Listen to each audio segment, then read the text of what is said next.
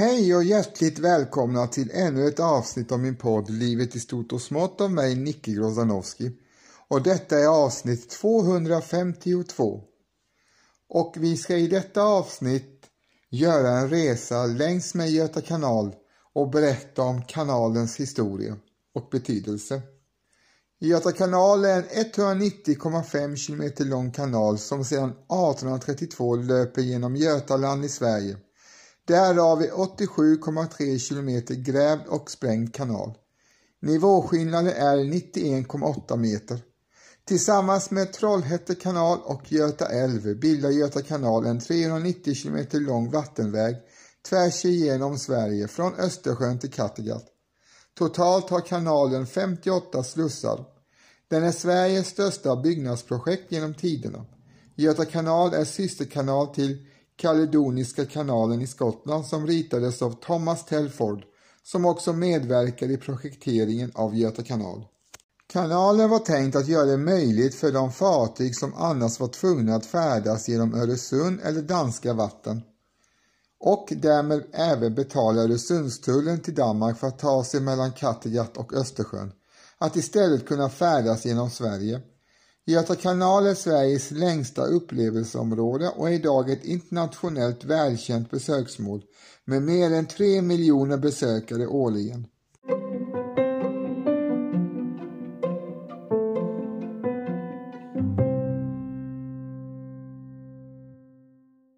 Så vitt man vet var biskop Hans Brask den första som 1525 föreslog en kanal som skulle förbinda Vättern med Vänern och därmed skapa en direkt förbindelse mellan Östersjön och Kattegatt. Detta för att slippa Öresundstullen och besväret med Hansan. På Karl XIs tid hade man planer på att med dels en kanal genom sjön Skagen längs Letälven och Närke Svartå till Örebro åstadkomma en segelbar trafikled mellan Vänern och sjön Hjälmaren som redan då genom Hjälmare kanal står i förbindelse med Stockholm. Denna plan blev dock aldrig verklighet. Istället återgick man under 1700-talet med större intresse till Bachs gamla plan som också diskuterades på riksdagen 1772. Den avgörande personen som initiativtagare och pådrivare blev Baltasar von Platen. År 1801 invaldes von Platen i styrelsen för Trollhätte kanal och med tiden utvecklades hos honom tanken på en samfärdsled mellan Vänern, Vättern och Östersjön. Efter att genom resor studerat de för kanalen aktuella trakterna presenterade han sina tankar 1806 i sin epokavgörande avhandling om kanaler genom Sverige. Planerna fick stöd av kungen Gustav IV Adolf som i februari 1808 beslöt att citat i hela dess vidd företag och fullborda det riksgagnliga ärendet. Slutcitat. Riksdagen avlät 1809 en skrivelse till Kungliga Majestätet med anhållan om att låta sätta igång arbetet på kanalen. Bäst vore enligt ständerna att enskilda personer tog det på entreprenad men att arbetsmanskap för grävning med mera lämnades av infanteriregementena mot skälig såld. Krut till sprängning borde bestås av kronan och kronans närbelägna skogar får begagnas för byggnadsarbetet, liksom dess kalkbrott i och för kalkbränning till murbruket. Slutligen yrkades att det bolag som övertog kanalen skulle få den som evig egendom och utrustas med skäliga privilegier. Ständerna omfattade saken med stor entusiasm, men det mötte också en del motstånd. En talare på Riddarhuset ansåg exempelvis att nu Sverige nu genom förlusten av Finland 1809 blivit förminskat till två tredjedelar av sitt ursprungliga område borde man vara rädd om den jord man hade kvar. Citat. Och ej genom onyttiga grävningar förminska utrymmet för den trevne odlarens flit och fylla med ofruktbar vatten och de landsträckor som kunde framalstra timotej, klöver med flera foderväxter, ja till och med födoämnen för människor." Slutcitat. Gentemot detta resonemang framhöll Balsa von Platen vid ett senare tillfälle att trafiken på kanalen skulle komma att bespara jordbrukaren så mycket skjutsning och andra körslor att det motsvarade minst 360 000 kaldagsverken och 800 000 hästdagsverken. Men till föda underhåll åt dessa karar och hästar återgick han enligt hans beräkning avkastningen av nära 30 gånger så mycket jord som den kanalen tog bort.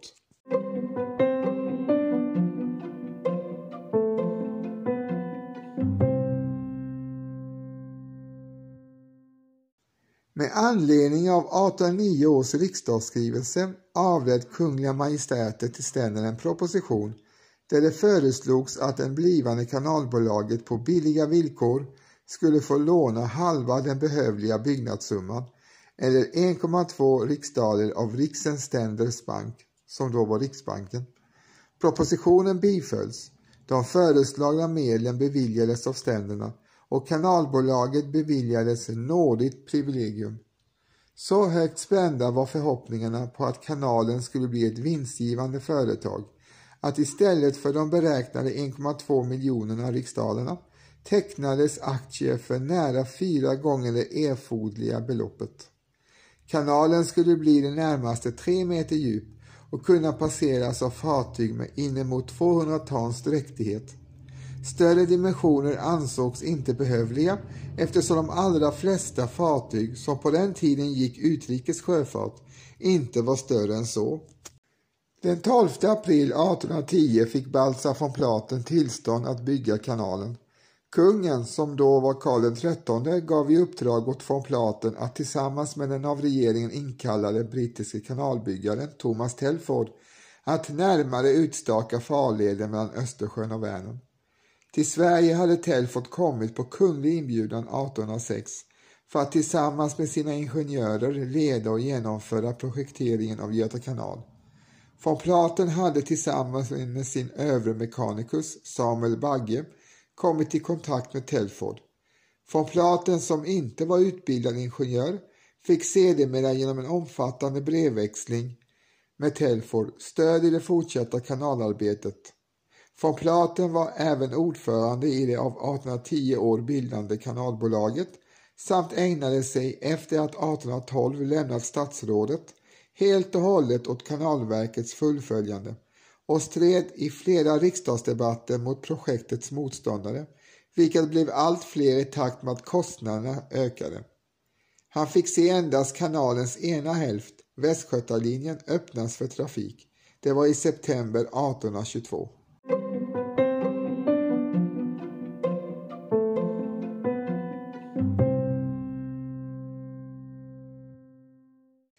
Maj 1810 togs de första spadtagen vid Motala och Forsvik med hjälp av ett förberedande förslag av vattenbyggaren Daniel af Thunberg från 1780-talet som i stort sett följdes av Thomas Telford stakades kanalen ut. Enligt riksdagens beslut skulle kanalen vara färdigbyggd på tio år men arbetet blev i synnerhet i början mycket lidande av att man inte på förhand hade gjort upp någon detaljerad arbetsplan. Ännu år 1817 hade man inte ens klart för sig hur många slussar som skulle behövas och var de skulle placeras. Därför gick arbetet tämligen på måfå och en mängd kostsamma ändringar och jämkningar måste göras efterhand. Flera av ingenjörerna var också i början ovana vid detta slags arbete och blev därför mer än skäligt dyra. Baltzar von Plater var egentligen själv föga hemmastad på det tekniska området och litade därför mycket på andras beräkningar. Dock lade han energisk an på att fullkomna både sina egna och sina underlydandes utbildning. Han studerade ingenjörsvetenskap både hemma och i utlandet. Redan 1813 överskreds de beräknade byggnadskostnaderna för kanalen.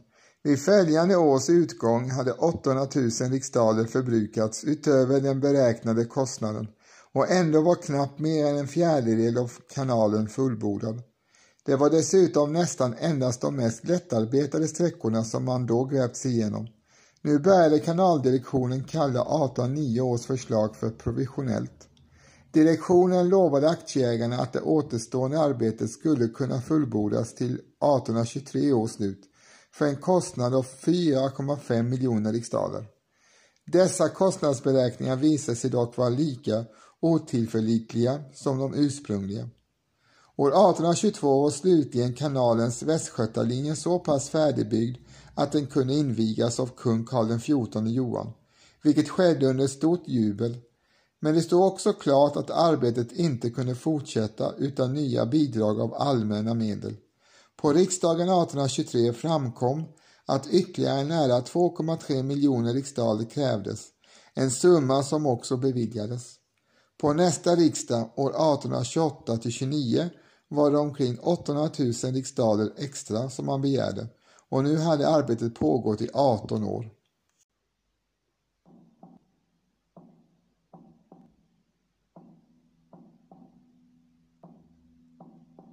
Fastän solen går ner har vi timmarna kvar. Och den lär nog gå upp innan banken står klar. Vi gräver och kämpar mot jordsten och rot medan den västgötska myllan stretar emot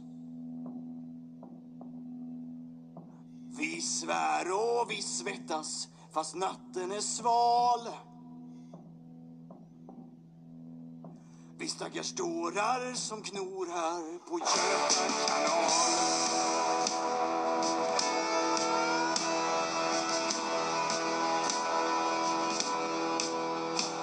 Efter två år av missväxt och av hungern satt som slav fick jag lämna min plätt för att sen ge mig av. Jag lämnar Anna där hemma med vår lille son.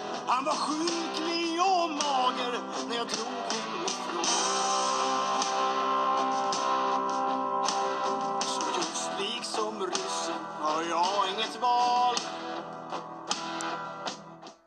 Kanalen öppnades till slut den 26 september 1832 till en kostnad av 9 miljoner riksdaler, cirka 13,5 miljarder i 2005 års penningvärde, omräknat efter konsumentpriser. Notera att det är svårt att jämföra penningvärden med 1820-talet. BNP per capita räknat i varor var mycket lägre, det vill säga samma vara var värdefullare än nu. Som andel av landets BNP var kanalen enormt dyr. Dessförinnan hade Östgötalinjen med stor högtidlighet blivit invigd av kung Karl XIV Johan åtföljd av drottning Desideria, kronprins Oscar och kronprinsessan Josefina. Det brittiska mudderverk som muddrade sjöbottnarna behövde repareras, vilket medförde att Motala verkstad anlades. Sammanlagt under de 22 byggnadsåren deltog 58 000 indelta soldater från 16 olika regementen och arbetade med grävningen. En mindre del av arbetsstyrkan bestod av ryska desertörer och krigsfångar som frivilligt hade anslutit sig och privata arbetare, såväl kvinnor som män. De gjorde tillsammans 7 miljoner dagsverken med kanalen. En dagsverke varade 12 timmar. Grävningen av kanalen utfördes till största delen för hand med plåtskodda träspadar, men en hel del tekniska redskap fanns såväl för land som vattenarbete. Bland de tyngre arbetena var att hugga sten till slussar med mera. Som mest grävde cirka 7000 man samtidigt, men arbetsstyrkan bestod normalt av 2000 till 3000 soldater. Bland de utkommenderade trupperna upprätthölls sträng disciplin Regementena ägnade fyra timmar på helgdagarna åt exercis och fyra dagar i veckan åt målskjutning. Dagpenningen för de meniga soldaterna uppgick till 13 skilling och fyra runstycken som utbetalades av kanalbolaget. Varje soldat som deltagit i arbetet erhöll en silvermedalj med Karl XIV Johans bild och inskriptionen citat för verksamt biträde till havens förening given av Göta kanalbolaget." Slutcitat.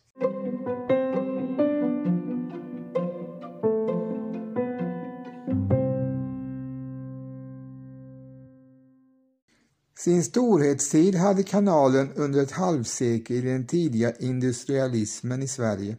Vid sidan av uppgiften som transportled från kust till kust innebar kanalen en möjlighet till tyngre transporter och effektiv godsbefordran i ett av våra ögon närmast väglöst land. Kanalen blev bestämmande för lokaliseringen av ett flertal industrier av vilka Motala verkstad är en av de mest betydelsefulla. Men kanalen borde i helt avgörande grad även stimulerat verksamheten i såväl Göteborg som till exempel Lindholmens varv, som i Stockholm, som till exempel Samuel Owens verkstäder. Inledningsvis hade Göta kanal stor betydelse genom att kanalfrakterna var stora jämfört med den tidens samlade transportarbete. Totalt uppnådde godsmängden 100 000 ton per år och först på 1870-talet överträffades denna volym av järnvägen. Järnvägens tillkomst innebar samtidigt att kanalfrakterna i ett slag minskade med 80 procent och var nu begränsade till endast tre typer av last, skogsprodukter, kol och malm, vilka inte behövde snabb transport. Såväl passagerar och godstrafiken stagnerade och återhämtade sig aldrig. Öresundstullen avskaffades i och med Öresundstraktaten 1857. Göta kanal fick nya med kortvariga uppsving i samband med avspärrningsperioderna under första och andra världskrigen, då farvattnen utanför svenska västkusten och delar av Östersjön var minererade.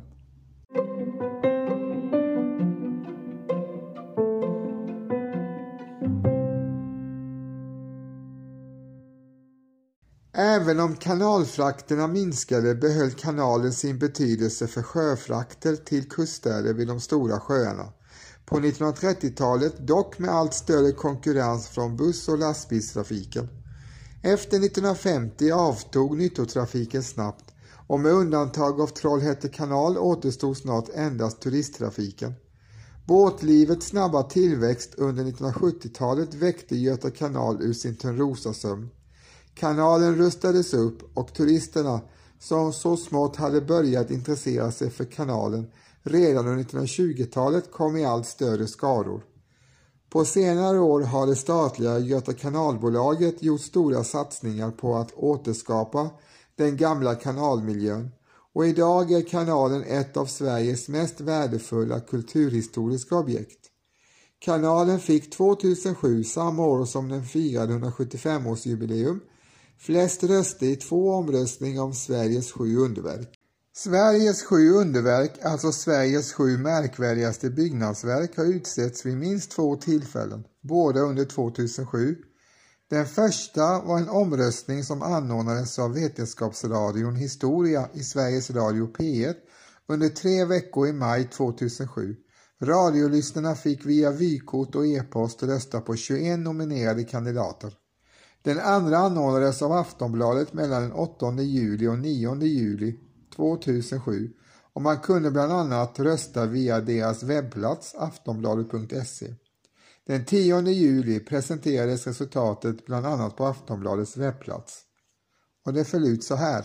Göta kanal, Öresundsbron, Visby ringmur, regalskeppet Vasa, ishotellet i Jukkasjärvi, Turning Torso i Malmö, och Globen i Stockholm.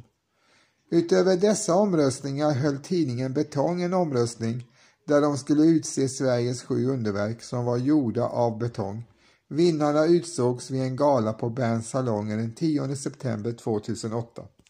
De övriga kandidaterna som inte vann Aftonbladets omröstning var Kirunagruvan, Ale stenar, Läckö slott, Drottningholms slott, Höga Kustenbron, Kalmar slott, Uppsala domkyrka, Inlandsbanan, E4, Ölandsbron, Varbergs fästning, Vadstena kloster, Rökstenen, Feskekörka, Varnhems klosterkyrka, Skara domkyrka, Trollhätte kanal, Kulturhuset i Ytterjärna, Habo kyrka, Kaknästornet, Lunds domkyrka, Stockholms stadion och Karlsborgs fästning. P1-omröstningen slutade så här. Nära 4 000 röster lämnades in i omröstningen och den listan fick följande sju underverk. Göta kanal blev populärast med 20 av rösterna. Ale stenar, Malmö moské, Lunds domkyrka, Karlskrona, Visby ringmur och hällristningsområdet i Tanumshede. Övriga kandidater var Kiviksgraven, Glimmingehus, Älvsborgs fästning, Rökstenen, Alsnehus, regalskeppet Vasa, Stockholms stadion, Vaxholms fästning, Gamla Uppsala, Sala silvergruva, Gammelstads kyrkostad, vattenkraftverket i Porjus, Kiruna, Malmbanan mellan Luleå och Narvik. Första försöket till en modern svensk förteckning i stil med den klassiska listan på världens sju underverk genomfördes drygt en månad innan projektet Världens sju nya underverk skulle avsluta sin omröstning för att Lissabon den 7 juli 2007 presentera en nutidslista över världens sju underverk. Ett hundratal kandidater föreslogs av från tidskriften Betongs läsare. Dessa decimerades dock till 21 av en jury. Efter detta fick vem som helst rösta på tidningens hemsida. Drygt 3000 personer röstade fram följande sju svenska underverk gjorda av betong. Öresundsförbindelsen, Sandöbron, Turning Torso, Arlandatornet, Svampen i Örebro, Nya Svinesundsbron, Kaknästornet. Övriga kandidater var Skissernas museum, Uppsala Business Park, Dunkels kulturhus, Årstabron, Villan, Skurubron, Myrstedts matthörna, Götatunneln, Bevaldhallen, Stockholms tunnelbana, Konkret, Västerortskyrkan, Gävle krematorium och Villa Gardelius.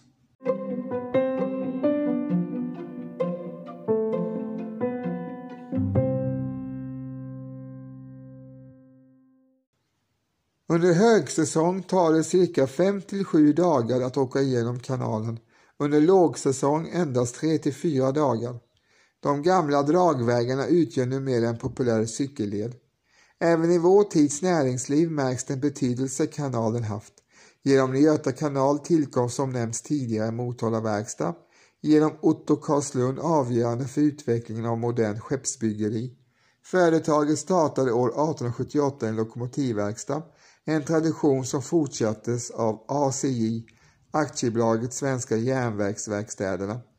1907 i Linköping som år 1930 startade ASJA, aktiebolaget Svenska järnvägsverkstädernas aeroplansavdelning med flygplanstillverkning. 1939 slogs ASJA samman med Saab som så småningom fick betydelse även för Volvo.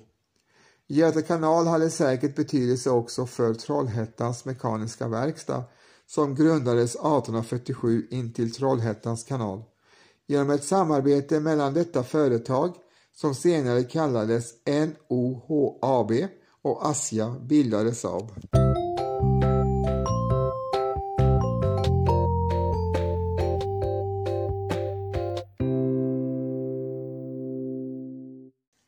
Göta kanal sträcker sig från Sjötorp vid Vänerns östra strand i Västergötland via sin högsta punkt 91,8 meter över havet vid landhöjden väster om viken via Bottensjön till Vättern och vidare via sjöarna Boren och Roxen. Kanalen fortsätter genom Söderköping och mynnar sedan ut i Slätbaken vid Mem i Östergötland. På denna sträcka finns sammanlagt 58 slussar. De i Tåtorp och Borensberg är än idag handdrivna och de övriga är automatiserade. Det finns också två akvedukter längs kanalen, en i Ljungsbro och en utanför Borensberg. Göta kanal kallas ibland för Sveriges blå band. Den kallas också skämsamt för skilsmässodiket eftersom diskussioner kan uppstå vid slussning. Bergs slussar utanför Linköping Göta kanals största sevärdhet och turistmål. Det var i dammen i Berg som en av båtarna körde upp på land i filmen Göta kanal och det var vid Karl Johans slussar som en slussvakt, Betty Nordström, sa på klingande östgötska Hör din galning, vad gör du? På Göta hotell i Bodensberg utspelas en scen. Göta kanal korsar fyra järnvägslinjer. Dessa är Södra stambanan vid Norsholm, godsstråket genom Bergslagen i Motala, Västra stambanan vid Töreboda och Kinnekullebanan i Lyrestad. Samtliga dessa järnvägsbroar är öppningsbara. Öppningar sker vid fasta tider för att undvika att tågen, särskilt på stambanorna, tvingas stå stilla. I samband med planeringen av Ostlänken, som inte får ha öppningsbar bro, diskuteras om Södra stambanan eventuellt ska flyttas i ett sådant läge att bron inte ska behöva vara öppningsbar, antingen i höjden eller som tunnel. Tidigare har det funnits ytterligare två rörliga järnvägsbroar, båda för smalspåriga järnvägar. Den ena i Söderköping för Norrköping Söderköping Vikbolandets järnväg vid nuvarande landsvägsbron och den andra i Motala för Mellersta Östergötlands järnväg strax öster om godsstråket genom Bergslagen. Den smalspåriga bron i Motala byggdes om 1959-1960 för att bära även normalspårig trafik och levde tack vare detta vidare som del av ett industrispår till Electrolux anläggningar långt efter det att smalspårstrafiken på Möj upphörde 1962. Bron har varit permanent öppen sedan järnvägstransporterna till Electrolux upphörde. Två akvedukter där vägen går under kanalen finns, en på riksväg 34 vid Borensberg och den andra på gamla riksväg 36, dagens 34, inne i Ljungsbro. Ytterligare en kommer att byggas vid Söderköping inom ramen för projektet Förbifart Söderköping som planeras att starta 2024. Beslutet att bygga akvedukten tog 2016 och projektet beräknas vara färdigt 2027. Vägbroarna som korsar Göta kanal är desto fler. Samtliga vägbroar är öppningsbara utom Norrholmsbron där E4 passerar 22,5 meter över kanalen. Detta är den begränsade faktorn för fartygstrafiken på höjden.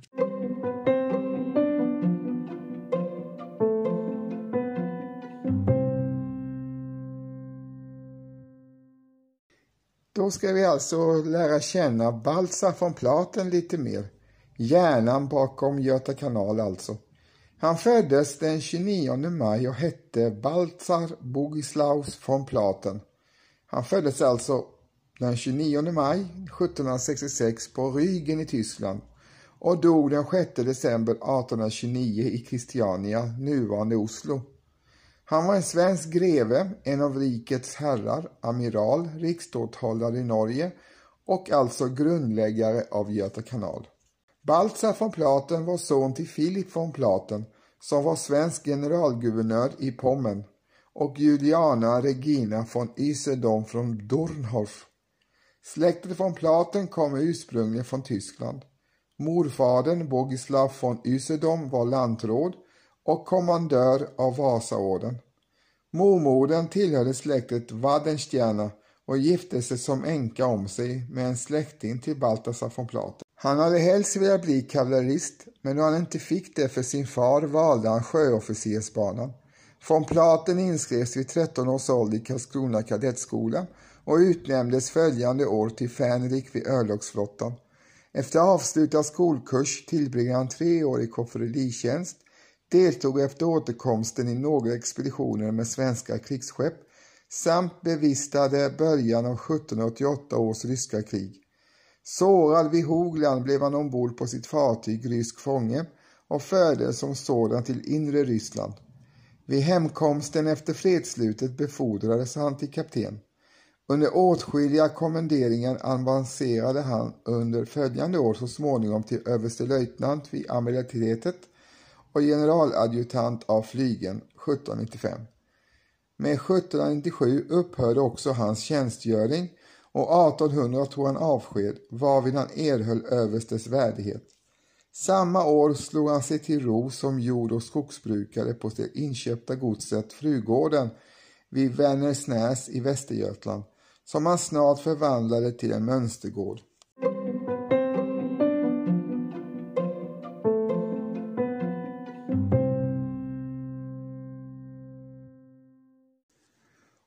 År 1801 invaldes han i styrelsen för Trollhätte kanal och med tiden utvecklades hos honom tanken på en samfärdsled mellan Vänern, Vättern och Östersjön.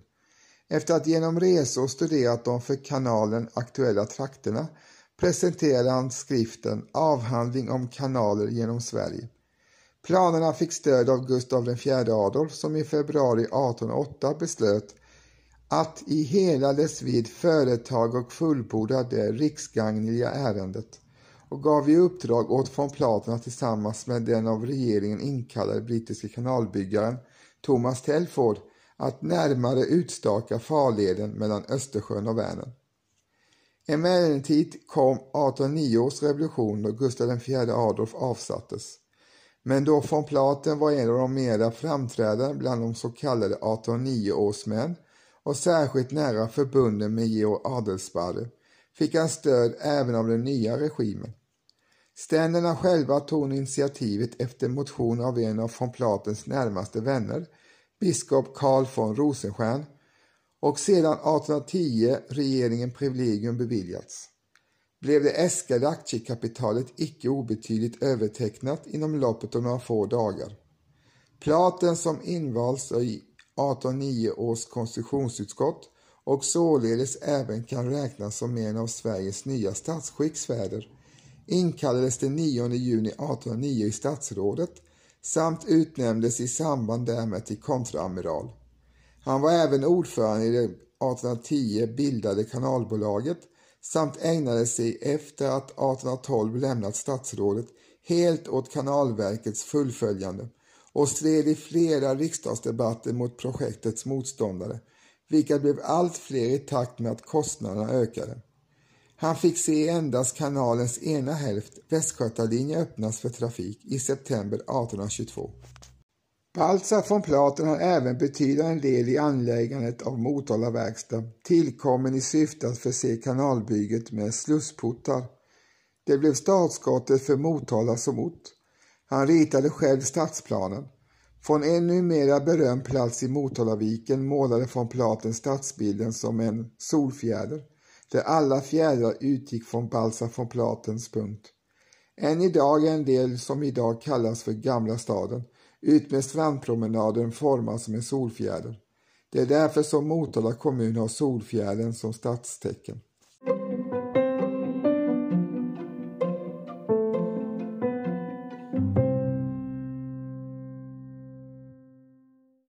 Han hade även stor betydelse för tillkomsten av det så kallade centralförsvaret som i Sverige skulle samla sina resurser vid Varnäs, Karlsborg, vid Vättern och denna punkt, sade Platen, är upptäckt genom Göta kanal. Den utvecklas genom Göta kanal. Den kan endast fullbordas genom Göta kanal. Han omfattade även tanken, för övrigt förebådad genom Gustav IV Adolfs lantvärn, att i samband med statsvälvningen rikets hela försvarskraft borde tas i anspråk genom en allmän nationalarmering och framlade i 1809 års konstitutionsutskott förslag därom. Men trots att förslaget vann utskottets sympatier vågade man inte ta med det i regeringsformen och av ständerna avslogs det både då och vid dess återupptagande på hösten samma år. Vid slutet av riksdagen återkom det emellertid i form av ett beslut om så kallad förstärkningsmanskap och det kan betraktas som uppslaget till den vid 1812 års riksdag beslutade allmänna beväringen.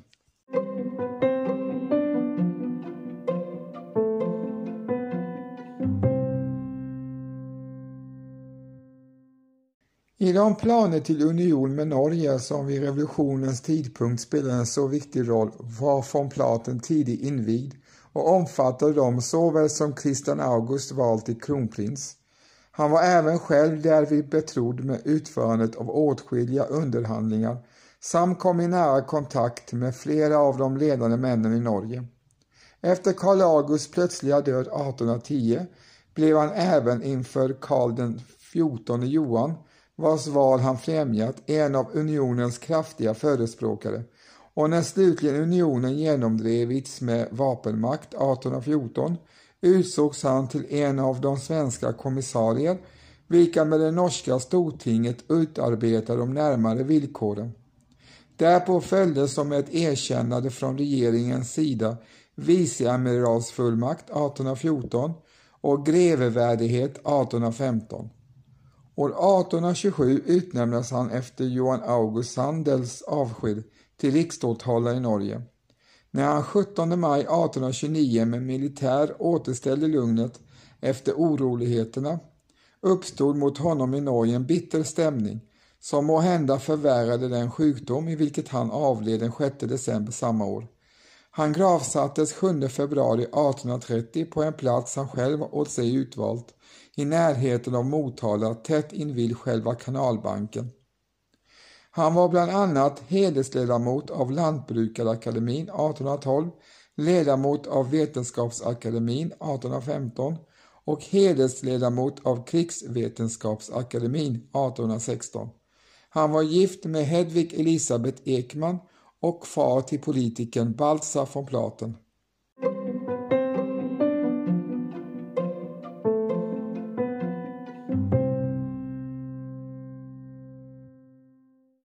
Göta kanal eller Vem drog i proppen är en svensk komedifilm som hade biopremiär i Sverige den 18 december 1981 i regi av Hans Iverberg med Janne Loffe Karlsson och Kim Andersson i huvudrollerna. En mycket förmögen arabisk prins vill lägga en order på tusen motorbåtar. Det multinationella företaget Uniship och den lilla lokala båttillverkaren Anderssons båtvarv slåss om den stora ordern. Dessvärre lider araben av beslutsångest och utlyser därför en båttävling från Stockholm genom Göta kanal till Göteborg. Den som kommer först till Göteborg vinner ordern. Man skyr inga medel under tävlingen vilket leder till höga hastigheter i kanalen och ett antal krascher. Bland annat mosas en Fiat 127. En kanotist, spelad av Svante Grundberg, blir särskilt drabbad av de tävlandes framfart. Anderssons jagas dessutom av en envis kronofogde som heter Peter Black, spelad av Magnus Härenstam. Filmen blev en stor framgång på biograferna och sågs av över 1,5 miljoner människor. Inspelningen ägde rum 13 juli till 30 september 1981. Båtarna i filmen är Orrskär 1000, Carina och Storebro Store 31 Baltic, Uniships båt. Tre uppföljare har hittills gjorts. Göta kanal 2, Kanalkampen som hade biopremiär juldagen 2006. Göta kanal 3, Kanalkungens hemlighet som hade biopremiär juldagen 2009 och Göta kanal 4, Vinna eller försvinna med premiär den 27 juli 2022.